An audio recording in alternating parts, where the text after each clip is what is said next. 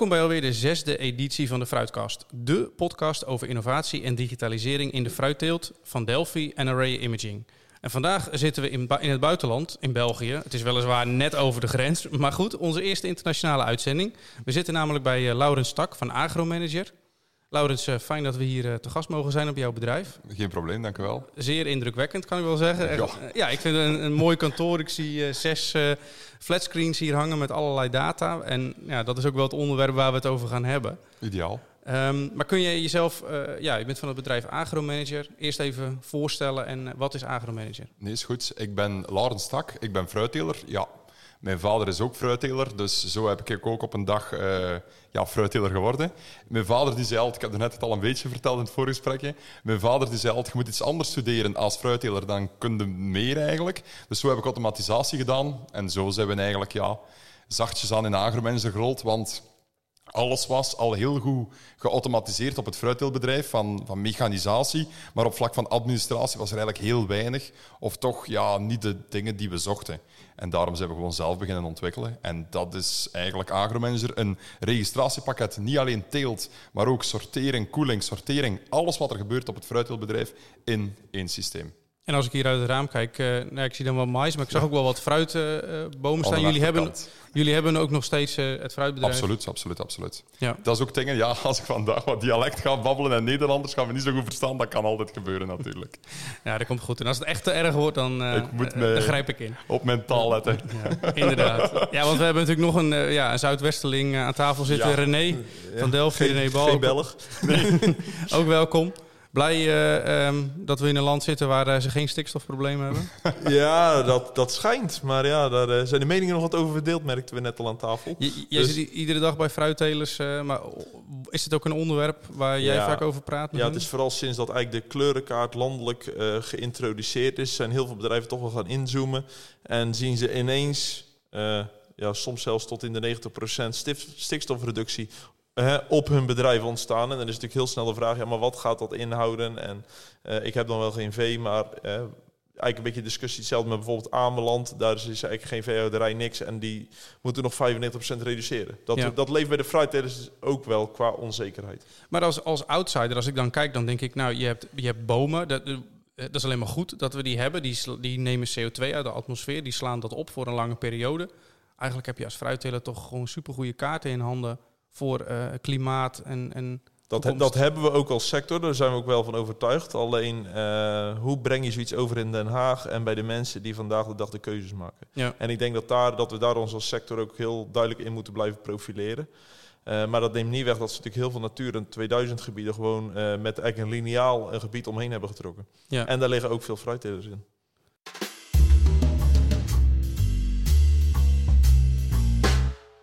En uh, nou ja, we zijn eigenlijk uh, zo al de, de nieuwsrubriek ingedoken van de actualiteiten.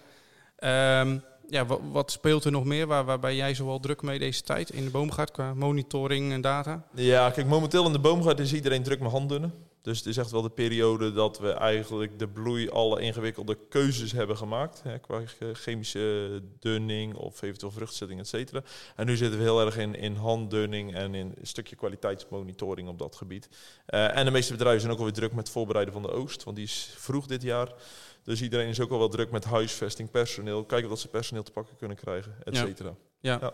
en voor, ja, wij maken deze podcast over precisie fruittelen. Uh, je zegt nou monitoring van kwaliteit. Hoe kun je dat doen? Drones inzetten, boom, boomgaard overheen vliegen? Ja, wij staan nu eigenlijk in de periode dat we starten weer met de dronevluchten. Dus vooral groeikracht um, is nu eigenlijk de, de belangrijkste periode die komen gaat. Dus dat willen we graag rond de langste dag. Nou, die zijn we gepasseerd. En groeikracht bepalen we eigenlijk van een stukje boomhoogte en bladmassa.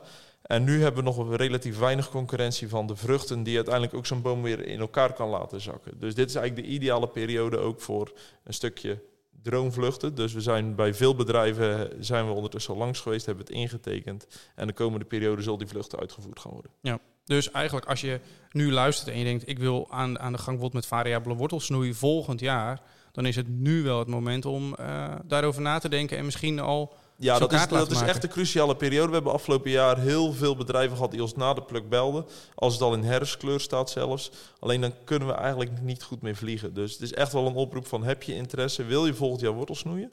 Ehm, en we zien een hele duidelijke toename daarin. Dan is nu wel het moment om ja, je aan te melden. Eventueel ook via Agromanager, via de, de webshop. Nee, nee, dat maakt niet zoveel uit. Nee, maar het ding is, eh, maar qua bladverkleuring, is dat niet ook... gaat je daar ook niet zwakkere bomen dan uithalen die dan rapper in... Ja, klopt. Je krijgt in het najaar, hebben we ook wel pedicline Ja? vaak vruchten gedaan. En dan zien we ook dat een boom die bijvoorbeeld wel heel sterk heeft gegroeid, wel in vroege herfstverkleuring kan komen. Oké. Dus het najaar is daardoor wat, wat eh, gewoon veel minder betrouwbaar. Dus eh, als je echt kwaliteit wil zeggen, we rond de langste dag is wel de optimale periode. Wordt er nog gevlogen dan, of wordt dat eigenlijk nooit... Ey, wordt dat eigenlijk niet gedaan? In het najaar gebeurt wel bij sommige rassen en bij pedicline. Ja? Dus als je echt de herfstverkleuring wil, en dat gebruiken we heel veel dan voor het aangieten het voorjaar Ja. erop. ja, ja. Alleen veel bedrijven die willen met iets starten de eerste keer. En dan zeggen we wel van start dan met een groeikrachtkaart. Ja. Daar krijg je het beste gevoel bij. En dan kunnen we ook goed vooruit plannen. Nu vliegen en dan in het najaar, winter eventueel wortels snoeien. Dat is ook eh, pla- planningstechnisch is dat heel goed uit te voeren en ook te adviseren. Oké, dus wil je wat mee aan de gang nu doen? eh, bel Delphi, bel Aurea. Een beetje Ja. reclame te maken en kijken wat we kunnen doen voor volgend seizoen. Ja, ik denk dat de meeste telers ons kennen. Alleen de meesten moeten nog net die stap zetten van ik ga ermee beginnen. Ja. Dat is eigenlijk de barrière die we nog veel zien onderweg. En die proberen we met advies en zo, zo eh, af te vlakken natuurlijk te ondersteunen. Ja, en hopelijk helpt deze podcast daar ook, eh, ook aan bij. Absoluut, daar gaan we aan werken. Ja, en je noemde het dunne. eh, daar zijn jullie, Laurens, nu hier ook op het bedrijf mee Klopt, bezig op het moment. En de laatste tijd, we zien ook weer nieuwe autonome voertuigen, voertuigtechniek eh, voorbij komen. Die ontwikkeling zit niet stil. Doen jullie daar al iets aan hier op het bedrijf? Ehm, ik weet niet hoe dat, dat met het dunnen te maken... Was dat gewoon een overgang? Maar Ja, nee, ik, doe- eh, kijk, ik ben, ik ben hier de leek, dus ik stel je Ah, de nee. domme vragen. Ah, wel, En- nee, het ding is zo, ja. Nee, voor het tunnen, dat is, dat is gewoon manueel. Dus dat gaat nog even, denk ik, manueel Ja, maar blijven. misschien is het wel goed dat natuurlijk met de precisietechnieken waar we mee bezig zijn, is dat je met dunne en eventueel een bloesemvlucht, net altijd over groeikracht, maar in de bloesemperiode Tuurlijk. kan je wel hè, de hele rijkelijk bloeiende Ik bomen. heb het nu gedaan dit jaar, hè. Daarom, dus misschien kun je dat wat Ah, wel, ik heb nu di- dit jaar, heb ik nu voor de eerste keer, bij eigenlijk... Ik weet niet hoe dat in de rest van Nederland is, maar bij ons was het eigenlijk heel wisselvallig. Dus we hebben sommige percelen nu waar dat we echt stilstaan met het dunne, dus bijna niet vooruit kunnen gaan. En andere percelen waar dat geen werk op is. En nu, we hadden heel veel percelen hier bij ons achter de, achter de loods. En er waren heel veel verschillende bomen, dus we hebben gedaan. We hebben daar, ik, ja, ik heb mezelf dan een drone gekocht, dat vind ik dan ook weer leuk om daar mee te spelen. Dan heb ik de droombeelden opgestuurd naar Aurea, die hebben die dan verwerkt. En dan hebben we zelf gaan spuiten. En dan eigenlijk alle bomen die te weinig bloesem hadden, want ja, met de vorst hadden we toch een beetje schrik, die hebben we toch nog een beetje zettend gezet. Achteraf gezien niet nodig. Omgedraaid met een brevis hebben we hetzelfde gedaan. En ik vind eigenlijk wel dat het vrij goed is uitgevallen. Ik heb maar drie rijen heb ik gewoon gedund om te zien of het goed was. En de rest heb ik eigenlijk niet aan geweest, gewoon omdat ik eigenlijk heel tevreden was van het resultaat. Maar dat was nu een probezeltje. Het ding is dan, ik werk met mijn moeder en mijn vader samen. Zij zeggen van, ja, doe nu maar. Maar nu heb ik al een lijstje gekregen voor volgend jaar, waar ik ook op de welke percelen dat ik ook nog zeker moet gaan vliegen. Ja, maar dat is wel leuk dat je dat zo benoemt, want dat zien we dus bij heel veel telers. Dat we zeggen, probeer ergens mee te starten, want het vertrouwen moet Ja. groeien. Klopt. En dat, eh, jij refereert naar je ouders. En dat is denk ik bij heel veel bedrijven zien we dat dat, dat vandaag de dag speelt. En dan is ook nog een beetje het kip en het ei verhaal van... ik moet wel een spuit hebben die het kan en ik heb geen spuit of moet... eh, dat, dat merken we ook nog wel onderweg. Maar dat is wel een heel duidelijk praktijkvoorbeeld waar we tegenaan lopen. Ja. Ja. De Oké. spuit die hebben we. Dat is... Ja, precies, inderdaad. En ja, ik zat, vorige keer zaten we met Han en die had het helemaal over volledig mechanisch in de boom gaat, volledig Ja. geautomatiseerd. En dat ze dat in het verleden al geprobeerd hebben. Maar ik, nou, dat dunne, dat is dus... eh, Ah, wel, het, het dunne kunnen we wel gaan optimaliseren, inderdaad, door die, die handelingen te gaan doen. Maar dat gaat denk ik aan zich, ja... Je hebt ook nog altijd zoiets een schoonheidsdinning dat je er nog eens door wilt gaan. En dat is toch altijd denk ik nog wel iets manueel. Maar je wil wel die huren zo laag mogelijk krijgen per hectare. Er zijn momenteel percelen, denk ik ook, zeker die vorst, door vorst getroffen zijn die, en vervolgens heel zwaar zettend zijn gespoten, die misschien wel 200, 300 dunuren per hectare vergen. Nou ja, vandaag de dag pakken ze 20 euro per uur. Eh, in België is het denk ik nog wel iets lager op dat gebied. ja. Maar pak even 20 euro per uur, ja, dan heb je gewoon echt een substantiële eh, kostenpost te pakken per hectare. En Ja. daar proberen we wel met bloesemvluchten meer op te sturen. Ja, ja en, eh, en kostprijs is ook dit seizoen zeker natuurlijk eh, zeer belangrijk. Nog belangrijker dan ooit. Ja, dat is eigenlijk van alle tijden wel. Alleen het wordt nu steeds het, het niveau waar we op opereren wordt steeds scherper. Ja. Ik, was, op de perendag. En ik was met, eigenlijk ben ik geen reclame aan het maken als ik erover babbel. Nee, maar het ding is ook, was mijn teler erover bezig. En we waren bezig over GPS. Want hij gebruikt ook GPS, hij een agromanager GPS. En we waren erover aan het babbelen, over de ervaringen. En eigenlijk willen we als teler, denk ik, willen we het allemaal niet doen. En hoeft het ook voor ons allemaal niet meer. Die, hoe- willen we niet met een GPS gaan rijden of willen we niet met dronebeelden gaan, gaan werken, maar het wordt gewoon... Ja, het, het moet om nog mee te zijn eigenlijk, om die kosten die dan al maar meer en meer eh, worden de baas te kunnen, moeten we ook die technieken gaan omarmen, denk ik. Maar dat is denk ik de strekking in heel de agrarische sector. Als je altijd boven gemiddeld presteert, heb je altijd de grootste kans om te blijven. En ik denk dat dat in de fruitteelt ook zo is. En dat is dus, daar hoort innoveren en daar hoort dus ook technologische ontwikkelingen horen er heel sterk bij. Ja, ja. Want ja, nee. Je, noemde de Perendag al, inderdaad. En misschien een mooi bruggetje naar het laatste nieuwsitem eh, over eh, beurzen. Interpera eh, hoorde ik jou noemen. eh Perendag. Een, aantal evenementen achter de kiezen. Ja, we hebben de laatste week van juni hebben we de Interperen gehad, dus samen met Groente- en Fruithuis. En we hebben de Perendag gehad. En eigenlijk heeft daar de perenteelt op Europees niveau ook wel nog wat, wat van overzees. Eh, die zijn allemaal naar Nederland gekomen. Dus een eh, dag in de Betuwe, een dag in het congres in Rotterdam. En afsluiten de Perendag. En dan zie je ook wel hoe klein eigenlijk de perensector is wereldwijd. Als we qua, qua teelten bekijken. En wat voor unieke positie we toch in Nederland en België bij elkaar hebben. Ja. Eh, qua productiepotentieel en ook met alle klimaatsveranderingen die spelen in zeker Zuid-Europa. Ehm, dus ik denk dat we daar ook trots op moeten zijn als sector en eh, ook de kansen in moeten blijven zien. Ja, want ik heb je ook wel eens in een eerdere podcast eh, wat horen vertellen inderdaad over die klimaatverandering en het verschuiven van teeltgebieden. Als je dan praat over peren, blijft Nederland eh, dan dan toch nog wel de beste kaarten houden? Of zie je dat ook verschuiven nu je Ja. mensen gesproken hebt overal vandaan? Ik denk Nederland-België hebben goede kaarten, vooral vanwege het, meer het zeeklimaat. Alleen de sleutelfactor is wel water. Heb je water beschikbaar? Eh, ik weet niet, misschien kan Laurens daar wat meer over vertellen. Hier in de regio natuurlijk zijn er nog heel veel percelen zonder water. Nee, water is hier wel een dingetje bij ons. Daar, Ja. Als ik door Nederland soms rijd en ik kom zo in het noorden van Nederland bij telers, dan ben ik toch altijd wel heel jaloers op hoeveel water dat En als, daar je, niet als is. jij zegt eh, water is een dingetje, bedoel je dan de beschikbaarheid of de Beschikbaarheid, kwaliteit? Ja, ja. Nee, beschikbaarheid. Het Het is zo, ja, kwaliteit. we- het is gewoon heel moeilijk hier. In Nederland zijn er ook allemaal plannen en daar hebben ze allemaal een visie over. Ik zeg niet, ik weet niet of het een goede visie is, daar niet van. Want ik hoorde ook heel veel dat daar eh, discussies over zijn. Maar bij ons hier in België hebben ze ja, eigenlijk nog niet echt een idee zo precies. Wij vangen nu, want je hebt hier juist gezien, als je op de oprit rijdt, rij, we hebben hier een, een grote waterbassin. We proberen die zoveel mogelijk zelf op te vangen. Maar ja, eens dat dat water op is, een, een putboring mag niet meer. Eh, dan moeten we water gaan aanvoeren, oppervlaktewater vanuit andere waterwegen. Ja, maar wat zijn we dan om een duur bezig? Het is, het is ja, Ja. Dat is denk ik wel, eh, als we kijken naar de Belgische fruitteelt en ook fruitteelt in, in bijvoorbeeld Zuidwest-Nederland of in Limburg, eh, dat is wel verreweg de grootste bedreiging de laatste vijf jaar. Geen beschikbaarheid van water. En we zien nu hè, vandaag de dag natuurlijk Italië, grootste perenproducent in het verleden in Europa. Maar de Po area, eh, omgeving staat droog. En ook Eh, dit, dit jaar weer heel actueel. Ook-? Ja, die- ook dit jaar gigant nog nooit zo droog geweest. nog nooit sinds sinds 70 jaar de meest droge zomer ooit in eigenlijk Emilia-Romagna, dus de grootste perenregio ter, eh, ja, nou, ik zou niet zeggen ter wereld, maar in ieder geval van Europa. Eh, en die staat droog.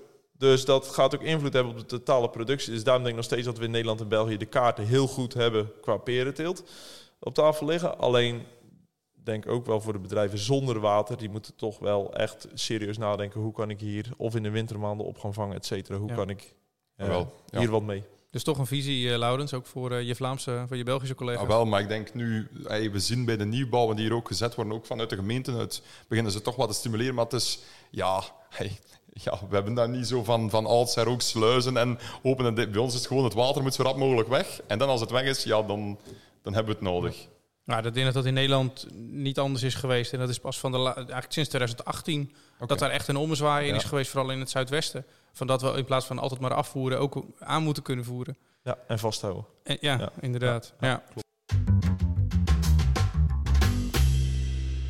Ehm, we gaan door met de, met de doorgeefvraag. En eh, die komt van Han Fleuren. Je had hem al even gesproken, begreep ik, vertelde je. als ik naar de fruitteelt kijk, dan lijkt het wel of de mindere kwaliteit, die niet de koelcel ingaat, dat die het eerste wordt afgezet. En dan ben ik wel eens bang dat de, de consument daar de dupe van is, of de, consument denkt, nou, ik, eh, deze Elster zijn wel heel groen. Die zijn veel te vroeg geplukt. Of deze Jodengold of wat dan ook. Of ze zijn eh, overrijp. En daarmee ga je dan, eh, ja, daarmee zet je ze in de markt. En het echte topproduct gaat de koeling in en komt eigenlijk pas vanaf januari eh, een beetje beschikbaar. Dus ik zou wel een vraag, deze vraag willen stellen aan iemand die daarover gaat. Eh, waarom doen jullie dit? Want eh, misschien moet je wel eerst je beste product eh, afzetten. En misschien zit ik ook wel mis. Ik heb ja, ben het eigenlijk niet eens met hem ermee. We hebben er al eens over gehad. Omdat ik, ik, ermee kijk ook naar René. Verkopen we onze slechtste producten eerst? Ik denk het niet. Nee, ik denk dat de strekking van de vraag meer is. Wij doen natuurlijk lange bewaring, doen onze beste perceel, onze sterkste peren, zetten we voor lange bewaring weg. Ja, klopt. En onze laatst geplukte, vaak ook de wat zwakkere hoeken of de wat minder, hè, er wordt wel Klopt. vaak op bedrijven keuze Maar gemaakt. willen ze die niet ook eerst hebben dan? Want dat zijn toch de, de, de bijtga... Ja, wij, omdat wij natuurlijk over één product praten. Het is, altijd, het is allemaal een conference peer. Dus, en een peer die als laatste plukt, als je die als eerste zou verkopen, is ook een slechte peer, want die is nog niet rijp. Mhm. Dus dat is ook maar net hoe je... naar- Ik denk in de appelwereld zit een compleet andere beleving op dat gebied. De laatste appels zijn gewoon de minste. Die zijn het, zachtste. Die, zijn, hè, die kunnen te rijp zijn. Klopt. Ja, ik denk de reden ook wat, Han vroeg en ook meer de context waar we het over, over hadden, dat hij zei van het is zo eh, belangrijk, die consument, dat vertelde hij ook in de, in de podcast, hè, die beleving eromheen van eh, links geplukte appels of met, met, zon- met volle maan. Dat hij zei Klopt. van ja, dat is zo belangrijk om op te vallen in de supermarkt. En als je dan dat met een, met een minder dan perfect product moet doen, dan, dan ja, heb je gelijk al een slechte naam aan het begin van zo'n seizoen. Ja, maar dat is wel een interessante kritische vraag naar Laurens. Ja, ja. Hoe wil hij met agromanager die monitoring van die kwaliteit, dus van welk perceel, wanneer geplukt, waar bewaard, waar gesorteerd, wat kan de sleutelrol daarin zijn voor agromanager in de Nederlandse Belgische fruitteelt? Goh, dat zijn al gelijk moeilijke vragen, René. Nee, dat is geen moeilijke vraag. Ja. Je hebt daar een mening over en een visie op. Ehm, goh, kunnen we de vraag nog eens stellen? Nee, hoe denk jij die kwaliteitsmonitoring, doordat we natuurlijk heel veel bedrijven, heel veel verschillende percelen, eh, heel veel handelskanalen Ja. hebben, hoe denk jij dat de meerwaarde te kunnen zijn? Ik denk, ik weet niet of dat een juist antwoord is op uw vraag, maar ik denk, als ik, het ding is zo, we hebben met agromanager hebben we eigenlijk een koelingsmodule. In die koelingsmodule weten we, dus in de oogstmodule gaat je eigenlijk al uw fruit oogsten en dan geeft je elke voorraadkist een label. Dan gaat, ja, die kist heeft dan een label en dan gaan we het in een koelstel gaan zetten. Dan zien we eigenlijk heel veel telers van, van uit geschiedenis uit, die zeggen dan van, oh, ik zet alles van hetzelfde perceel samen in dezelfde koelcel. Omdat dat gemakkelijk is. En ik denk daarom te beginnen dat dat al iets is. Wij persoonlijk, wij zetten alles eigenlijk kriskras door elkaar. Gewoon volgens kwaliteit. Heb jij ergens een perceel dat eh, een zand teruggeeft eh, op het perceel? Ja, die peren die steken we dan weer tezamen met de peren die dan weer langer bewaren en beter zijn. Dus daar denk ik dat dat het verschil kan zijn, dat je eigenlijk echt volgens die kwaliteit... En daar, ja, er zijn ook hele leuke ontwikkelingen al bezig om die ook weer op die manier te gaan samensteken. Maar ik denk dat we daar nu... Ja, zijn we daar nu niet te gemakkelijk in? En wa- waar doel je dan op, leuke ontwikkelingen? Ja, oh, we zijn nu gelijk bijvoorbeeld met... Ja, ik weet niet wat ik er allemaal over mag vertellen, maar ik vertel het gewoon, zo zit ik in elkaar.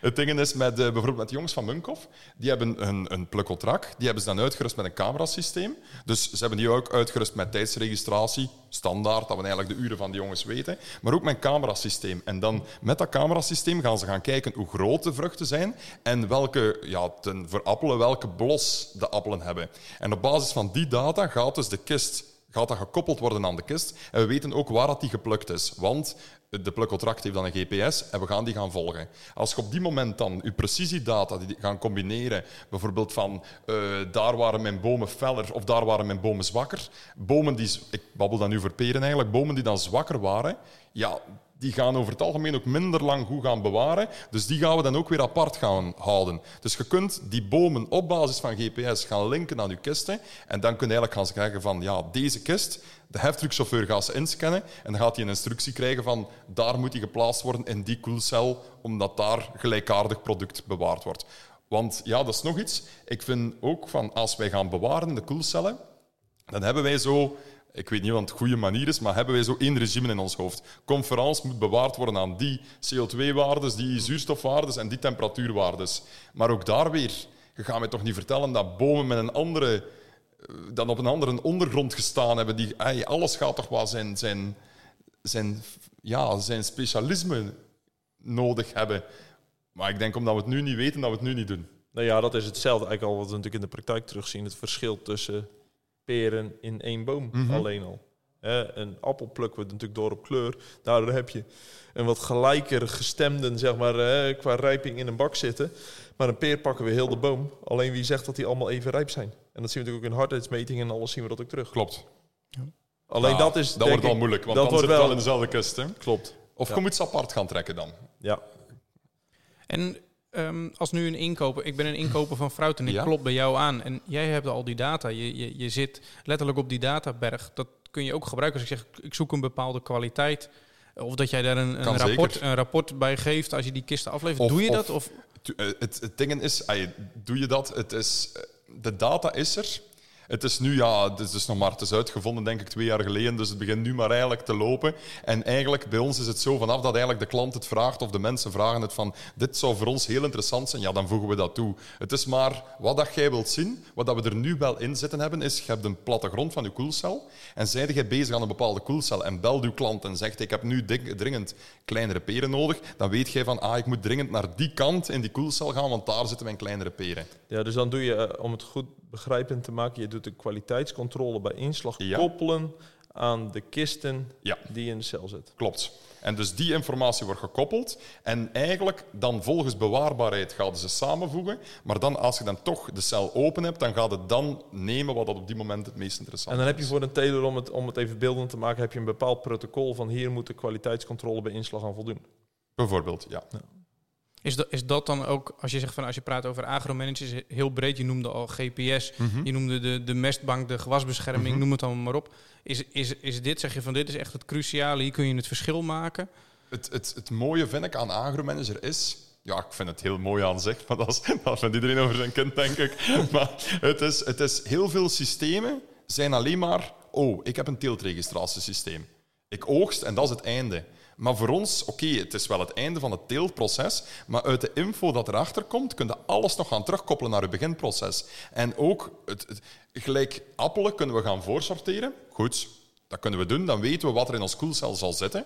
Maar bij peren wordt dat veel complexer. Maar als we nu in de, in de, in de, in de oogstperiode al kunnen gaan registreren wat er in die kist zit, ja, dan, dan kun je veel gerichter nog gaan sturen. En dan zijn we weer aan het optimaliseren. Hè? Denk je dat dat ook de handelspositie van de perentelers versterkt? Doordat er natuurlijk heel veel in de kist verkocht wordt? Goh, ja. Dat is ook weer een moeilijke vraag ermee. Het, ehm, ik heb het op voorhand ook tegen René gezegd. Alles, ik weet over agromensen heb ik een visie. Over mijn fruitbedrijf, dat snap ik ook nog. Maar daarmee, dat is nu... nu Nee, maar je hebt ook wel eens in hè, met, de- met de Fruit Trading Company Ja. bijvoorbeeld. hè, Ja, ja. Om te kijken van hoe kunnen we voorraden goed inzichtelijk krijgen. Want dat beïnvloedt de markt. klopt. Dat is een eh, interessante pijler. Maar het is ook natuurlijk interessant als een, een koopman komt bij jou om in de kist fruit te kopen. Dat je kan aantonen welke kwaliteit je binnen klopt. hebt zitten. Ja, nee, dat gaat sowieso dan interessant zijn, ja. Ja. Want als jij al weet wat daarin zit... En we weten echt, maar dat is echt zot om te zien... Je weet echt, zoveel stuks van appelen zitten erin van die maat. Zoveel stuks van appelen, bijvoorbeeld zoveel 60ers, zoveel 65ers. Dat is allemaal bekend. Dus ja, die data, oké... die gaat wel kloppen. Hè. Dan moet je, als je je product dan gaat verkopen ongesorteerd, dan gaat het niet ineens veranderd zijn. Hè.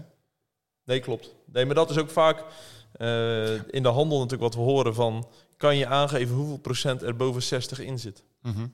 En de teleurstellingen ontstaan natuurlijk vaak dat dat niet klopt. Hè, dat een teler zijn partij beter voorschildert bijvoorbeeld dan dat hij is. Eh, of in het tegenovergestelde, dat de teler zijn partij minder goed Ja, ja. voorstelt Ja. dat hij is en dat hij te weinig geld ervoor vraagt. Ja. Hè, dat is ook weer in nadeel van de teler. Dus vandaar hè, zit er een bepaald Mhm. monitoringsprotocol aan vast. En is het in het voorbeeld wat jij schetste met de, met de pluk en het komt binnen en je weet precies... eh, weet je dan uiteindelijk ook per boom wat waar geplukt is? Of is dat per meter? Ah, wel, het ding is, eh, eigenlijk, dat is het idee, het basisidee aan zich al. Dus we hebben in agromanager uw teelten in zitten. Dat is gewoon uw, uw, uw, veld. En dan gaan we daar de teeltrijen op zetten. En dan gaan we bij het inmeten van de teeltrijen rekenen over elke boom een boompositie uit. Dat is een, een, een vlak, de netto oppervlakte van die boom.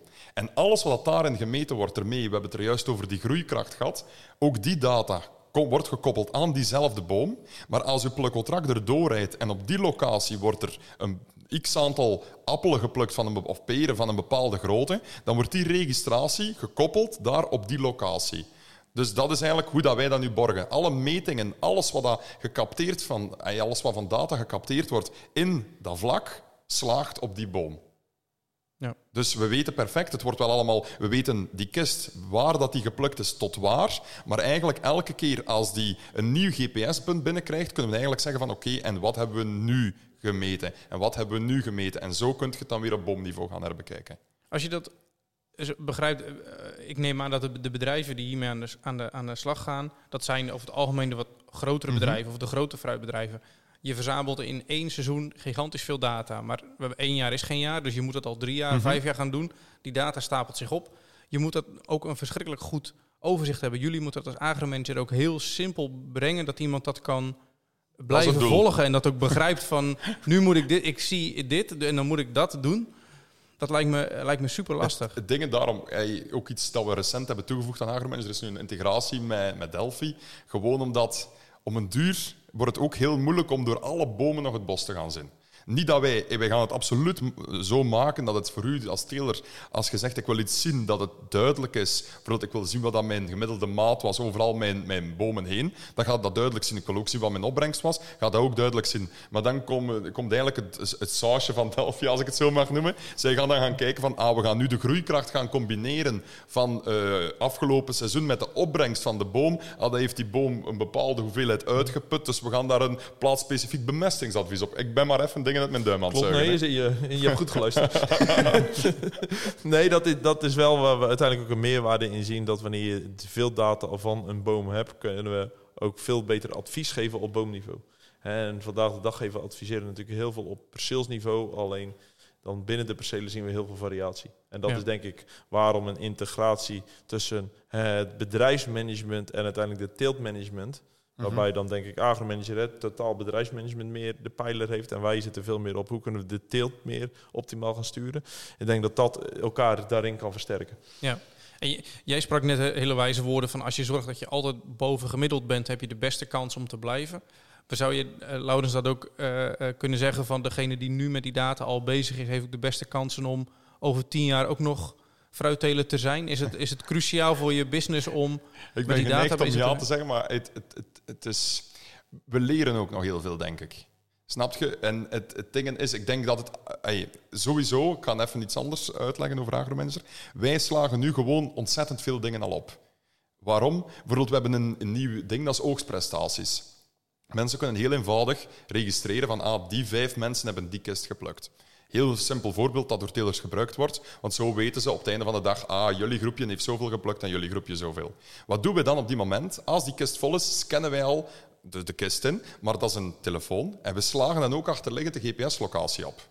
Dus dat is nu bijvoorbeeld een voordeel. Wij hebben nog geen flauw idee wat we daarmee gaan doen. Je kunt daar een dichtheidskaart van gaan boventoveren. René kan daar hele leuke dingen misschien gaan doen, maar wij weten dat nu nog niet. Maar wij slagen het wel al op. En dat is eigenlijk... Ja, hoe meer dat je nu gaat doen, hoe meer dat we al gaan opslagen. Maar ik snap ook natuurlijk, als teler... hey, ik denk dat Han daar in de vorige aflevering ook over bezig was, over de thermometer en, en heel het verhaal. Ik, ik snap natuurlijk, een teler heeft volgens mij wel ook iets nodig, iets dat iets opbrengt... En dan pas gaan ze iets gaan doen. En zo, daarom die oogstprestaties is voor de teler een reden om die kist te gaan scannen. Maar gaan een teler gewoon een kist scannen om de locatie te gaan vastleggen? Ook niet. Dus we moeten hem, het, hetgeen het hem opbrengt, moet meer zijn dan hetgeen dat hem kost. Ja, dat is denk ik ook wat we hebben ervaren natuurlijk in het verleden met heel de precisielandbouw. Dat er heel veel data verzameld wordt. Maar uiteindelijk moet er wel een economisch Ja, doel achter zitten. En ik denk dat we daar in de fruit wat goed in slagen de laatste paar jaar. Door heel concreet te zeggen, kijk hier heb je een wortelmes. Hier, hier kan je mee variabels snijden. Dus je hebt je data, oftewel die droomvlucht nodig. En dan denk dat dat een goede koppeling is. de komst van eh, auto, of, ga- ja, autonome voertuigen of, of een, een spuit die plaatsspecifiek kan spuiten. Is dat wat dan echt de, de next step gaat worden voor die data om het beter in te zetten, om, het, om de rendement uit te halen? Ik vind het ehm, niet direct, want je kunt ook gewoon die spuit hebben die dat plaatsspecifiek spuit nog achter een tractor. Maar ik denk dat dat gewoon manuren besparen is. Of ben ik daarin iets te Dat is, dat nuchter? is, dat is, eh, autonome rijden is denk ik meer een stukje eh, bedrijfsefficiëntie en Ja. arbeid. Ja. Nee, want uiteindelijk, die zijn, ey, ik heb het u nog niet, we zijn nog niet rond geweest, ik zal het u straks toon ik het u nog.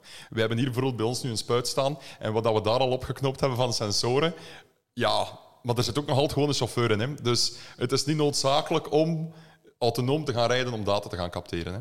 Nee, nee het is Ik niet, denk, ik denk dat het wel goed om te benoemen is dat we hem op moeten passen als sector. Dat we zeggen, we gaan 25 keer spuiten en we gaan 25 keer data verzamelen. Want dan wordt het wel heel lastig om door die bomen dat bos te blijven zien. Hè? Ja. En dus ik- je moet wel een doel hebben waarom je Ja, op een bepaald moment die data verzamelt. Ja, je moet inderdaad... Hey, wij hebben nu bijvoorbeeld... Ik heb het u ook al verteld, René. We hebben nu bijvoorbeeld een LiDAR op die spuit gezet. Met die LiDAR, heel eenvoudig. Voor de mensen die het principe van een LiDAR niet weten, dat is eigenlijk zo gelijk een, een lasermeter die de afstand meet. Alleen het ding draait rond en zo meet hij continu rondom rond naar alles de afstand. We weten al waar dan de rijen liggen, dus dat gegeven is al bekend. En zo kunnen we bijvoorbeeld gaan meten van, ah, als daar nu de boom staat, hoe hoog is de boom? Dat is nu een waarde die gemeten wordt. Dat is ook een hele logische, want op boomhoogte kunnen we iets gaan doen. En dan, als we bijvoorbeeld nu 30 keer door, het, eh, door de boomgaard gaan rijden, ja, dan ga ik geen 30 keer boomhoogte gaan meten. Dan ga ik 30 keren bijvoorbeeld boomvolume gaan meten, om zo te gaan zien van wat is nu de groei doorheen de tijd. Maar ja, alles is wat, wat, wat, ja, wat wil ik nu gaan meten en is die tijdsfactor belangrijk. Maar we weten het eigenlijk allemaal nog niet. We rijden gewoon op, we meten wat op en we zien wel wat eruit komt. Maar zou je zeggen, jullie zijn actief in België, jullie zijn actief in Nederland. Zit er, zit er een verschil tussen de ondernemers? eh, willen die andere dingen in België dan in Nederland? Of is ja, die visie... er zit wel een groot verschil op. ja, ja. Je, ja, je noemde het beregenen of de waterbeschikbaarheid, dat dat, dat een andere Ik- manier van gedachten. Maar kun je nog een voorbeeld noemen? Bijvoorbeeld, vertigeren, vind ik, wordt heel veel in Nederland gedaan en heel weinig in België. Ben er nu ook mee begonnen. Ey, zachtjes aan bekijken hoe het, hoe het moet en hoe dat ik het beter kan. Maar ik vind dat dat, dat is een heel groot verschil, bijvoorbeeld. En dan, dan verder vind ik ook qua... Ja, de mentaliteit van de mensen is anders. Dat is raar, maar dat is... Want eigenlijk bijvoorbeeld nu agromanagers. We hebben veel meer telers in Nederland die dat agromanager hebben dan bijvoorbeeld in België. In België zie je ook dat de bedrijven groter zijn tegen dan ze zeggen van oh, we hebben nu pas nood aan zo'n systeem. Dat is, ja, Nederland is daarin heel anders als Oké. bij ons. Maar de, ja, en te- zijn er niet in Nederland gewoon veel meer bedrijven die fruitteelt doen, dus dat die, die potentie ook veel groter is? Ja, maar ik denk ook dat die, gelijk nu bijvoorbeeld heel het GPS en, en dit allemaal, precisiefruitteelt, dat leeft nog niet zo hard, vind ik, in België. Nee. Maar ik hoorde jou, als ik het goed heb, jullie hebben ook zelf een GPS-systeem, of dat... Ja, nee, goede vraag. Nee, klopt. Nee, klopt, absoluut. Het ding was, goh, we zijn eigenlijk, agromanager is volledig ontstaan uit noodzaak omdat er niets was. GPS is eigenlijk volledig hetzelfde verhaal. Ik zeg niet dat er geen GPS-systemen zijn. Je hebt een Topcon, je hebt een Trimble. Er zijn verschillende systemen eigenlijk om uw machines aan te sturen. Werkt allemaal goed, daar niet van. Maar het ding is bij ons, ik wou, ja, dan leg ik misschien mijn latten hoog, dat weet ik niet. Ik wil op boomniveau kunnen spuiten. Dus elke boom moet kunnen weten hoe dat ik die ga behandelen. Maar dan ook, dan zie je eigenlijk iets specifiek fruitteelt. Wij spuiten in de hoog, ay, we hebben de hoogtecomponent. En dat zien we heel goed in ons spuitschrift. Dus als jij bij ons een behandeling registreert, elke teelt heeft een spuitfactor. Is uw teelt 100%, dan is wil eigenlijk zeggen dat uw spuit volledig open is. Je hebt een spuitfactor van 50%, bijvoorbeeld nieuwe aanplant, dan gaat daar de spuit maar voor de helft open. En dat is nu, dat ziet je dus heel leuk met die, met die GPS ook. Wij kunnen dus gaan zeggen van, oh, ik heb een bepaald plantsysteem, ik wil nu dan enkel die spuiten of die secties open gaan. Ook qua advies. Wij moeten regelmatig, en dan kijk ik ook naar René, bijvoorbeeld brevis wordt aangeraden, soms enkel in de toppen van de bomen. Ja. En, en ja, doe dat dan maar. Hey, ik, ik wil het plaatsspecifiek kunnen toepassen, maar ook dan enkel in de top of enkel in de broek van de bomen. Ja. En je noemt, je noemt Topcom, dat is een, Ja. een multinational. Je Ja. noemt Trimble, dat is een multinational. Eh, nou, je hebt nog Raven, eh, onderdeel Ja, ja, van CNH. Industrial. En dan heb je eh agromanager. En het is super Het er indrukwekkend. niet zo in thuis, hè, Maar, de- maar toch, ja, is het dan Nee, gewoon een persoonlijke uitdaging van jou en van je collega's? Jullie zeggen, we gaan dit gewoon doen. Ik, de- ik, denk het, ik denk het dat het zo gestart is. Ik denk dat het zo gestart is, omdat wij... Ja, ik denk dat dat met agromanager ook zo is. We gaan, hebben gewoon op een dag gezegd, we gaan het gewoon doen. En dat is eigenlijk met die GPS niet anders. Maar dan zie je, ik vind dat wij precies dingen doen die dan anderen... Ik zeg niet dat ze het niet kunnen, hè. ze gaan het ook kunnen. Maar wij zijn gewoon zo klein... En wij, voor ons is het veel makkelijker en veel sneller om dingen te gaan, te gaan integreren. En dan zie je dat we ook dingen, gelijk bijvoorbeeld, wij weten waar aan die rijen bijvoorbeeld staan. Valt bij ons het GPS-signaal uit? Ja, geen probleem. Hè. We weten uw snelheid, we weten die rij. Je gaat niet ineens kriskras door je veld gaan rijden. Je blijft altijd die rijen volgen. En daardoor kunnen wij volgens mij slimmere dingen doen die zij niet kunnen doen. Niet omdat ze het niet kunnen, maar gewoon omdat ze... Ja, wij zijn niet geschikt voor in de gewone landbouw te gebruiken. Enkel voor in de fruitteelt. Ja. Ja. Dus ik wil zeggen, is, ik denk dat dat een onderscheidend vermogen Ja. kan zijn. Dat natuurlijk een, de grote merken die doen het voor de grote industrieën. En de fruitteelt wereldwijd is op dat gebied een, ja, het is wel een grote industrie. Alleen qua GPS-systemen en zo nog ver achterop akkerbouw of andere, Mhm. hè, of bijvoorbeeld gr- grondverzetbedrijven. Ja, Het, ja, het ja. andere punt is ook de connectie. Want wij hebben nu, als je bijvoorbeeld nu een systeem, ik, ik weet niet, we pakken nu Topcon, ja, we pakken nu Topcon als voorbeeld. Wilt jij met je Topcon aan de slag, dan moet jij, of met een Trumbull, maakt niet uit, moet een taakkaart hebben. Die taakkaart die moet weer in een software-systeem gemaakt worden. Dan elk systeem heeft zijn eigen uitdagingen, want de nieuwste Fenten hebben nu ook allemaal GPS. Elke, elk, je vindt het niet uit, elk merk heeft zijn eigen eh, commas en zijn eigen puntjes die dan juist moeten staan om daarmee overweg te kunnen. En ik denk dan, Gelijk in het begin waren wij hier ook mee bezig, nog zonder dat we aan onze eigen GPS bezig waren. En dan kom je zo bij softwarepakketten uit om taakkaarten te gaan maken. En dan, dan, ja, dan denk ik weer aan mijn vader en dan zegt mijn vader de magische woorden. Ik ben geen landmeter, hè. Ik ga dat echt niet gaan doen. En daarmee, hij eigenlijk een, een, een tool... Hij weet hoe hij een spuitschrift moet registreren. Hij weet, ik ga nu die teelten gaan bespuiten met die middelen opslaan. En dat is wat hij allemaal wilt gaan doen. En dan wil hij naar zijn spuit gaan, daarop springen en beginnen spuiten. En hij wil niet taakkaarten gaan maken. En dat is eigenlijk ons, ons doel. Wij denken als wij het einde in hand hebben en het begin in hand hebben, dan hebben we een, een draad... Die, die overdracht is gewoon foutloos. Want we hebben zowel de zendende zijde als ontvangende zijde in handen. En het tweede punt is, we hebben dus dat spuitschrift... En ja, we hebben het spuitschrift overgenomen van Fruitconsult en dat is gestart volgens mij goh, nog voor Eurep Gap, dan ze daarover bezig waren. Ik denk in de jaren 90, ik denk 93 zijn ze begonnen met de spuitschrift. Als we kijken naar nu, 2023, dus 30 jaar later, is er gewoon niks veranderd. Waar hebben we gespoten op die een teelt? Wat hebben we gespoten? Die middelen, wanneer die dag? Maar als we dan nu gaan zien dat we plaatsspecifieke behandelingen gaan doen, dan gaan we die bomen wel behandelen, die bomen niet behandelen. Hoe gaan we het dan gaan registreren? Dan Ben, moet, ben, je daar niet bang voor dat op een gegeven moment, want er is natuurlijk veel te doen ook rondom registratie en data-eigendom en et cetera, dat dat ook bijvoorbeeld tegen de telers gebruikt kan worden, dat ze heel veel moeten gaan registreren en dat hoor je ook al een beetje eh, uit de registratieplicht komen. Ben je daar niet bang voor dat op een gegeven moment agromanager eh, meegezogen wordt in een soort van de registratieplicht slash terugkoppeling richting overheidsinstanties? Dat is een goede vraag. Het ding is, gaat het er komen omdat wij het hebben gemaakt of gaat het er toch gewoon komen? Als het er komt, hè. En tweede, als het er komt, is het dan niet best... Ik ben zelf ook fruitteler. Ik zit zelf in de sector. Ik weet wat dan ik kan en niet kan.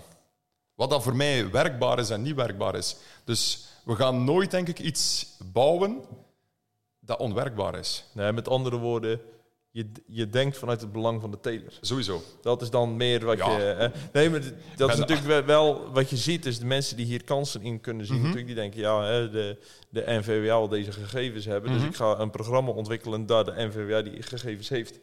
Dat, kan, ook, een- dat kan ook een insteek zijn. Nee, het, het ding is voor ons, ik wil het gewoon, het, het gaat, als we er nu over nadenken, gewoon precisie vooruitdeelt, laat even dan agromanager los, precisie gaat er komen. Als het er al niet is, het gaat altijd maar meer en meer worden. Dus als we plaatsspecifiek gaan behandelen, dan is het, ja, dan gaat de tijd ook gewoon komen dan ze gaan vragen van, "Rie, wat heb je gedaan waar? En dan denk ik dat we gewoon op die moment... Ik zie niet telers met USB-stickjes terug bestanden gaan uploaden. En bijvoorbeeld, wij hebben een agromanager... Ik geef u achtergrond, Niels. Wij kunnen heel veel... René weet het, want hij gebruikt agromanager. Dus Is het nou verstrengelde belangen, hoor ik die? Ja, ja. Nee, wel, maar het ding is zo... Wij controleren eigenlijk al uw behandelingen. Dus als je een behandeling inplant bij ons, dan controleren wij al... Kan het of kan het niet? Aantal toepassingen, maximale dosering, drift, whatever. En ik zie het eigenlijk op die moment als een kans. Want als jij je behandeling inplant, gelijk dat ik juist zei dat mijn vader gaat doen, als hij iets wil doen dat eigenlijk niet kan op die locatie, dan gaan wij op voorhand al die foutmelding geven.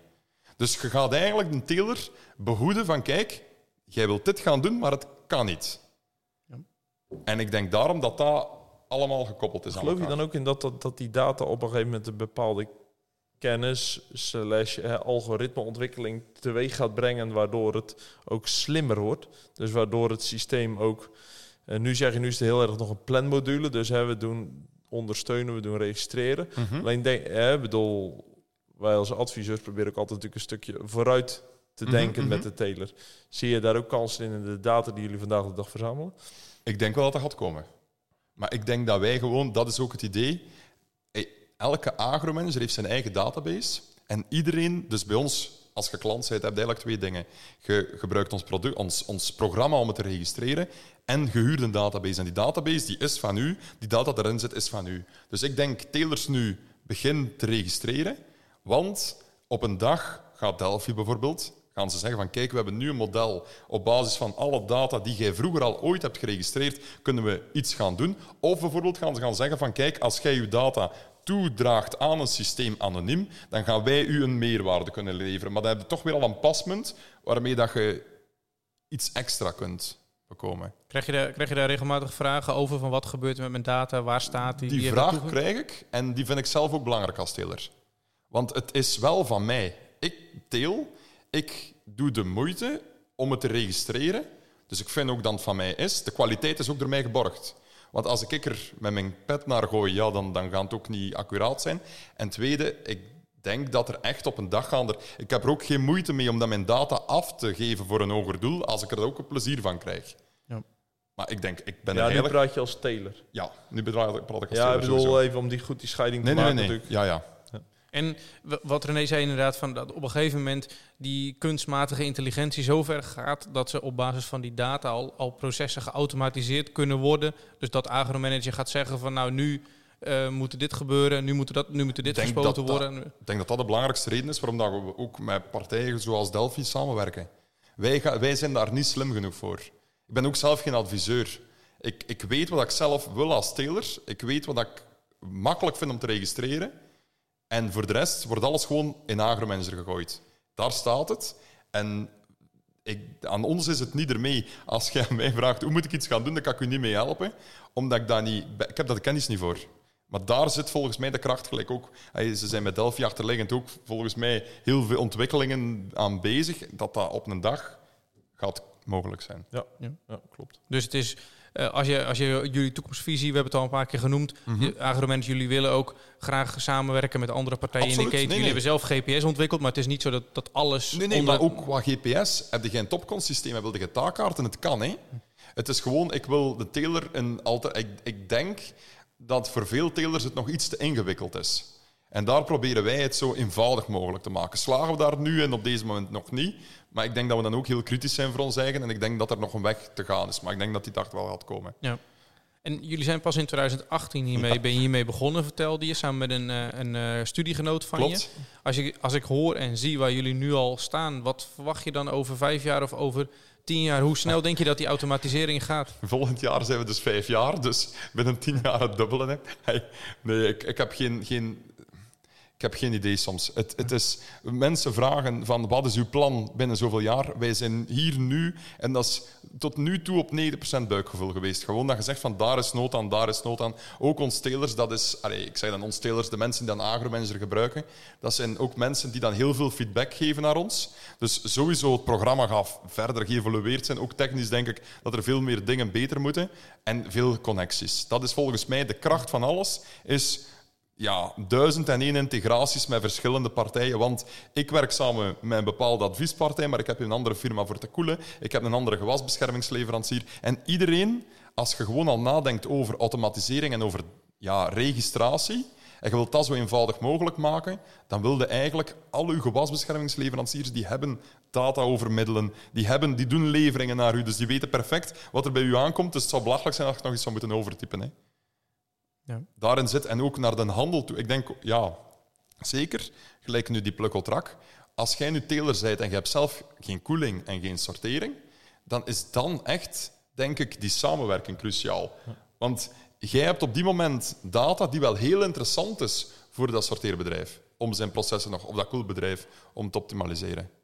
Zou, zou een, een bedrijf daar ook voor, be- bereid voor zijn om te betalen voor data?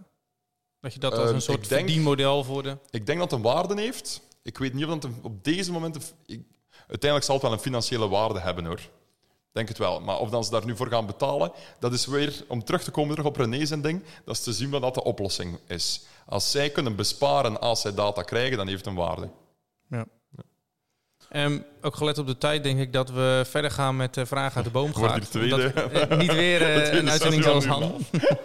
Eh, René, heb jij, nog, heb jij nog vragen ontvangen voor, eh voor Laurens? Oei, oei. Ja, ik heb één vraag. Ehm, hoe werken jullie eraan om het ook zeg maar, zo eenvoudig mogelijk te houden? Want wij zien ook ve- eh, veel bij telers, bij klanten. En het is altijd van, ik heb geen verstand van computers. Ja, ja. En dat is ook wel eens bij iedereen waar ik naar vraag. Die zeggen, ja, maar het, het is ingewikkeld. Nee. Het is een computer, daar begint het soms Tuurlijk. mee. Maar Het, het ding, ik, ik begrijp het volledig. Ik zeg, ik, ik moet opletten, hè, want mijn vader die kan ook deze podcast beluisteren, dus ik mag er niet te veel over babbelen. Maar het ding is zo, onze rode draad, maar als vader niet zou luisteren, als vader ermee kan werken, komt het goed. Dat is eigenlijk bij ons altijd achterliggend de dingen geweest.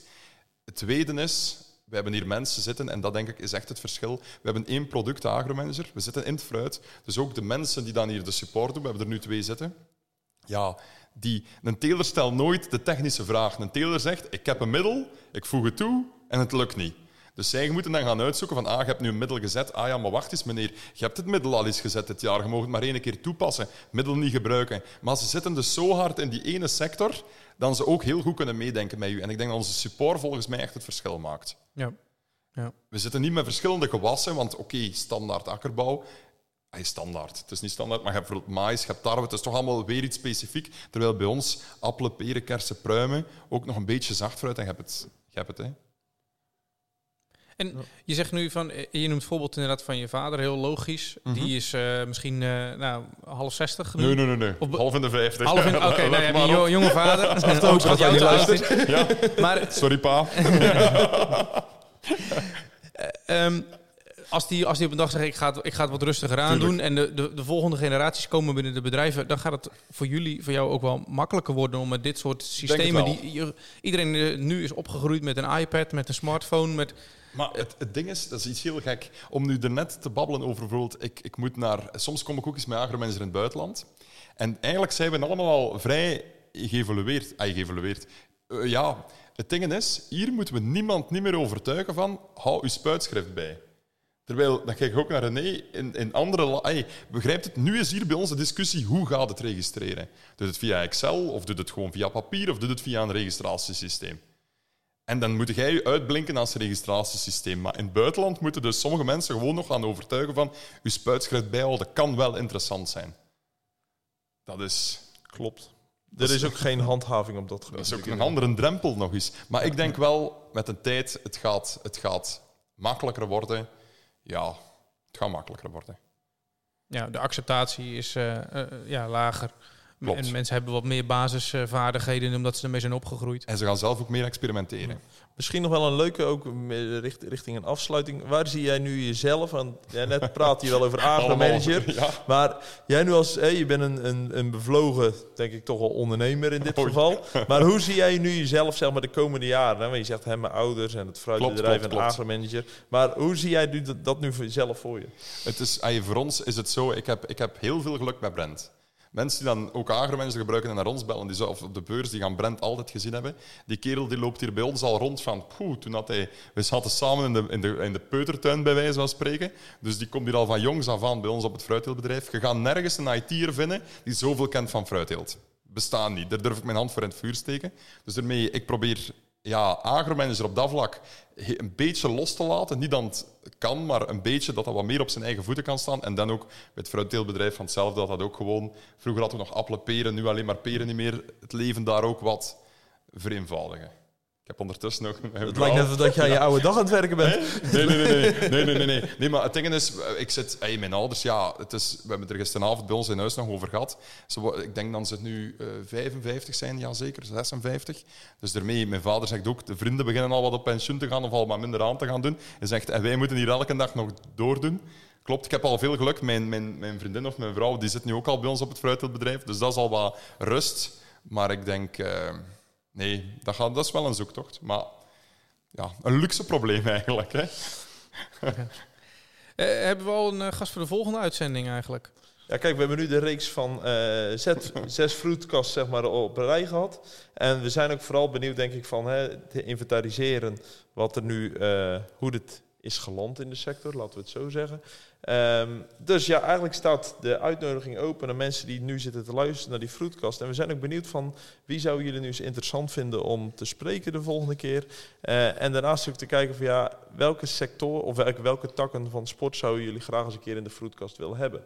Dus wij roepen iedereen op en we zullen dit ook in, via social media meer communiceren van. We willen weer een, als we een volgende reeks weer gaan inrichten wat de ambitie is. Wie zou jullie dan uiteindelijk willen spreken en wat kan hieraan bijdragen? Ja, nou, lijkt me een hele mooie eh, afsluiter.